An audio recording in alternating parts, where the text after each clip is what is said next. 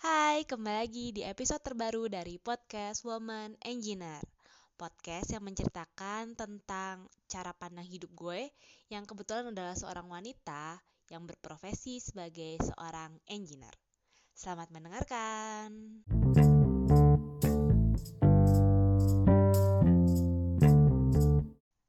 Halo teman-teman, makasih loh udah mampir lagi ke podcast ini.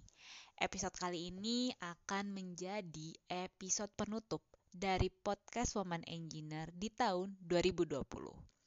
Wah, nggak nyangka banget deh podcast ini berhasil bertahan selama satu tahun.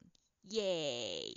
Selain berterima kasih kepada kalian nih, para pendengar, gue sendiri juga mau berterima kasih kepada diri gue sendiri yang udah konsisten meluangkan waktu dan tenaga untuk membuat podcast ini. Sehingga salah satu resolusi gue di tahun 2020 itu sudah tercapai 100%. Yeah, you did it Cynthia. Good job. Yay! Dan sejujurnya nih, gue nggak tahu sih apakah podcast ini akan gue lanjutkan atau tidak di tahun depan, di tahun 2021. Ya maklum gue punya resolusi lain lagi nih yang mau gue kejar. Tapi ya sudahlah, nanti gue pikirin lagi. So, sebagai penutupan di tahun 2020 ini, gue mau ngerangkum lagi nih tips and trick membuat podcast ala gue. Siapa tahu gitu kan ya, ada yang mau bikin podcast di tahun 2021 dan seterusnya, tapi bingung caranya gimana. Oke, jadi kita mulai aja ya. Yang pertama, bikin akun di aplikasi pembuat podcast. Iya, bener banget. Ada aplikasi khusus untuk membuat podcast. Nah, aplikasi ini nantinya tuh bakal secara otomatis mengupload episode-episode podcast kamu ke media sosial khusus podcast. Jadi, kamu nggak usah pusing-pusing gitu. Nah, kalau gue sendiri, gue pakai aplikasi yang namanya Anchor FM. Ini aplikasinya bisa di-download kok di smartphone kalian atau bisa juga kalian pakai via web, jadi bisa dipakai dari laptop. Dua-duanya tuh bakal saling terhubung gitu, jadi tenang aja, asal kalian login dengan akun yang sama. Nah, di aplikasi ini selain bisa rekaman ya udah pasti, itu juga ada fiturnya buat ngedit. Ya walau ngeditnya sederhana aja ya macam kayak motong suara rekaman terus jadiin satu suara-suara potongan rekaman kita sama ngasih sound effect kayak gitu. Nah pokoknya menurut gue aplikasi ini cocok deh buat pemula. Terus tenang aja si aplikasi ini tuh bakal otomatis nge-upload podcast kalian ke media-media sosial itu yang tadi gue ceritain salah satunya Spotify, Google Podcast, bahkan Apple Podcast. Yang kedua adalah tentukan tema podcast kalian. Ada baiknya kalian membuat podcast itu dengan tema-tema yang spesifik, biar nggak terlalu random. Jadi nanti pendengar tuh tahu kalau mau datang ke podcast kalian itu tuh untuk dengerin hal apa sih dan secara tidak langsung akan menyaring orang-orang yang cocok untuk jadi pendengar tetap kalian. Nih, contoh tema spesifik yang ada. Misalnya kalian pingin bikin podcast yang cerita-ceritanya macam jurnal pribadi. Kayak yang gue lakukan sekarang yaitu tentang share pengalaman dan pemikiran yang kalian miliki. Atau kalian mau tentang cerita-cerita fiksi atau bahkan non-fiksi dengan tema khusus, misalnya uh, cinta-cintaan, humor, atau sekarang yang lagi booming itu horor. Atau misalnya lagi nih, kalian mm, pengen menyajikan topik-topik yang cukup serius, kayak misalnya topik finansial, personal development, uh, politik, dan lain sebagainya. Terus nanti kalian bisa tentuin deh apakah si podcastnya ini mau stylenya monolog alias ngomong sendiri, layaknya penyiar radio, atau stylenya tuh kayak ngobrol atau berdialog gitu. Jadi ada kamu sebagai hostnya dan bintang tamu yang kamu wawancarai. Nah, kalian silahkan pilih aja tema dan style yang kira-kira paling cocok dan paling memungkinkan untuk kalian ikuti. Yang ketiga, bikin skrip dari setiap episode. Nah, kalau kalian udah punya tema besarnya nih, kalian bikin deh tema-tema kecil buat dipecah jadi episode-episode. Bisa satu episode satu tema, bisa juga satu tema nantinya dipecah jadi beberapa episode. Loh, kenapa dipecah? Ya, biar nggak kepanjangan. Biar pendengar kalian tuh nggak bosan dengerin podcast kalian. Lagian kalau bersambung kan orang jadi penasaran dan mau balik lagi nih ke podcast kalian buat dengerin kisah selanjutnya.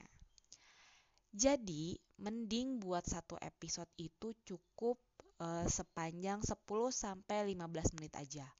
Paling maksimal bolehlah 20 menit. 30 menit itu udah kelamaan banget. Apalagi kalau stylenya monolog, lu ngomong sendiri. Aduh, bosen deh pasti orang. Bahkan podcast yang modelnya dialog tanya jawab gitu ya, yang di aplikasi Inspigo itu dipotong-potong loh jadi beberapa episode yang cuman 15 menitan gitu. Padahal kalau misalnya ditotalin mungkin bisa sampai satu jam gitu loh. Nah, nanti nih gue yakin karena pas di awal-awal kalian tuh kayak masih semangat banget gitu kan buat buat podcast biasanya pasti banyak banget tema-tema yang muncul di kepala kalian. Nah, itu udah saatnya kalian bikin totalitas skripnya semua.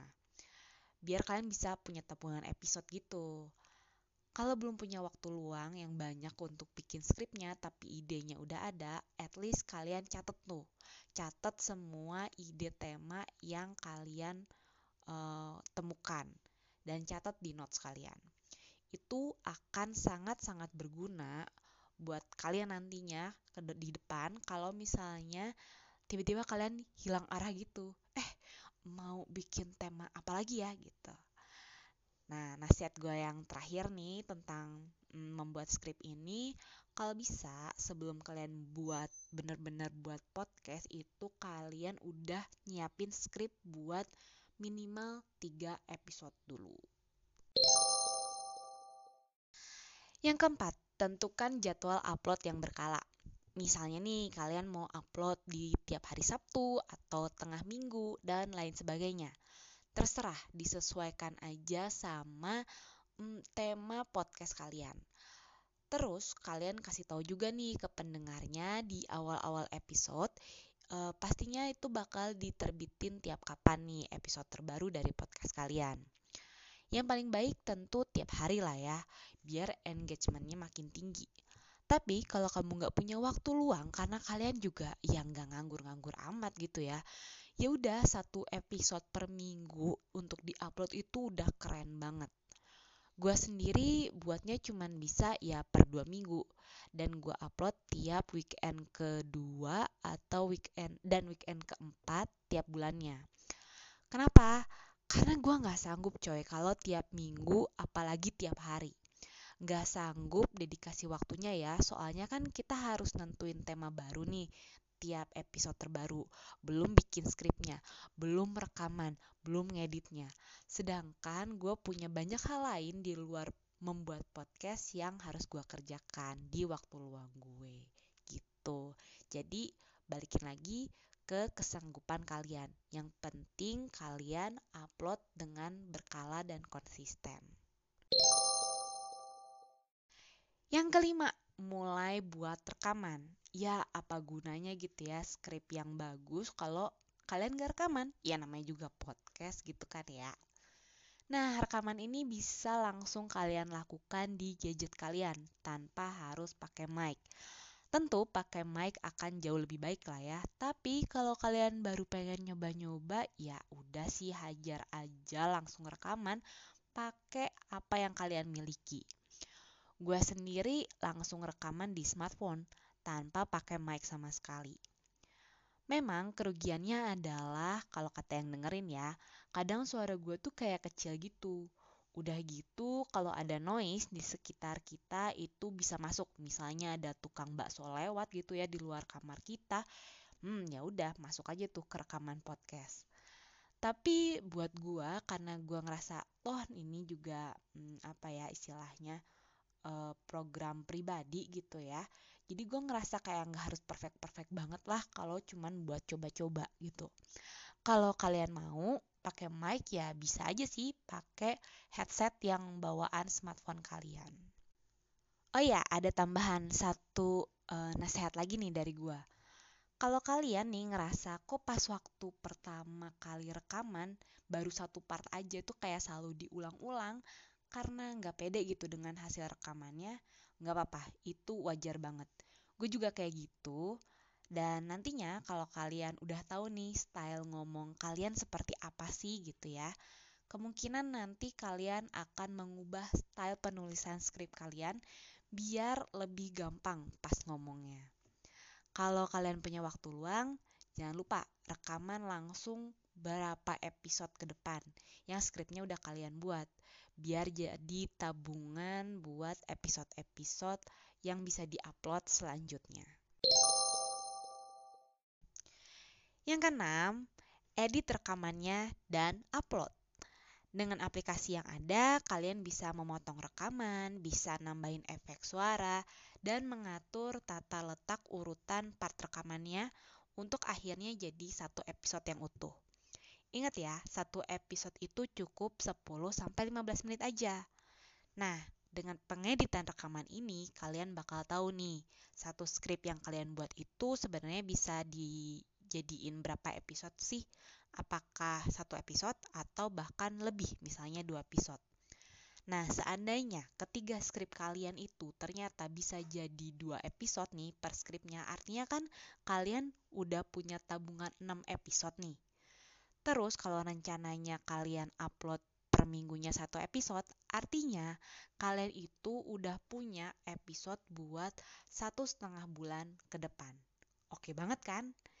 Jadi kalian bakal punya waktu satu setengah bulan lagi untuk menyiapkan episode-episode terbaru yang bisa diupload selanjutnya.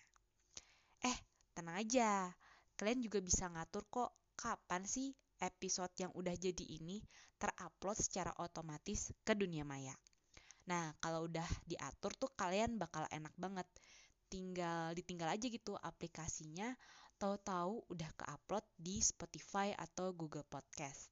Dan kalian tinggal share aja gitu ke teman-teman kalian di sosial media kalian kalau episode terbaru dari podcastmu udah keluar.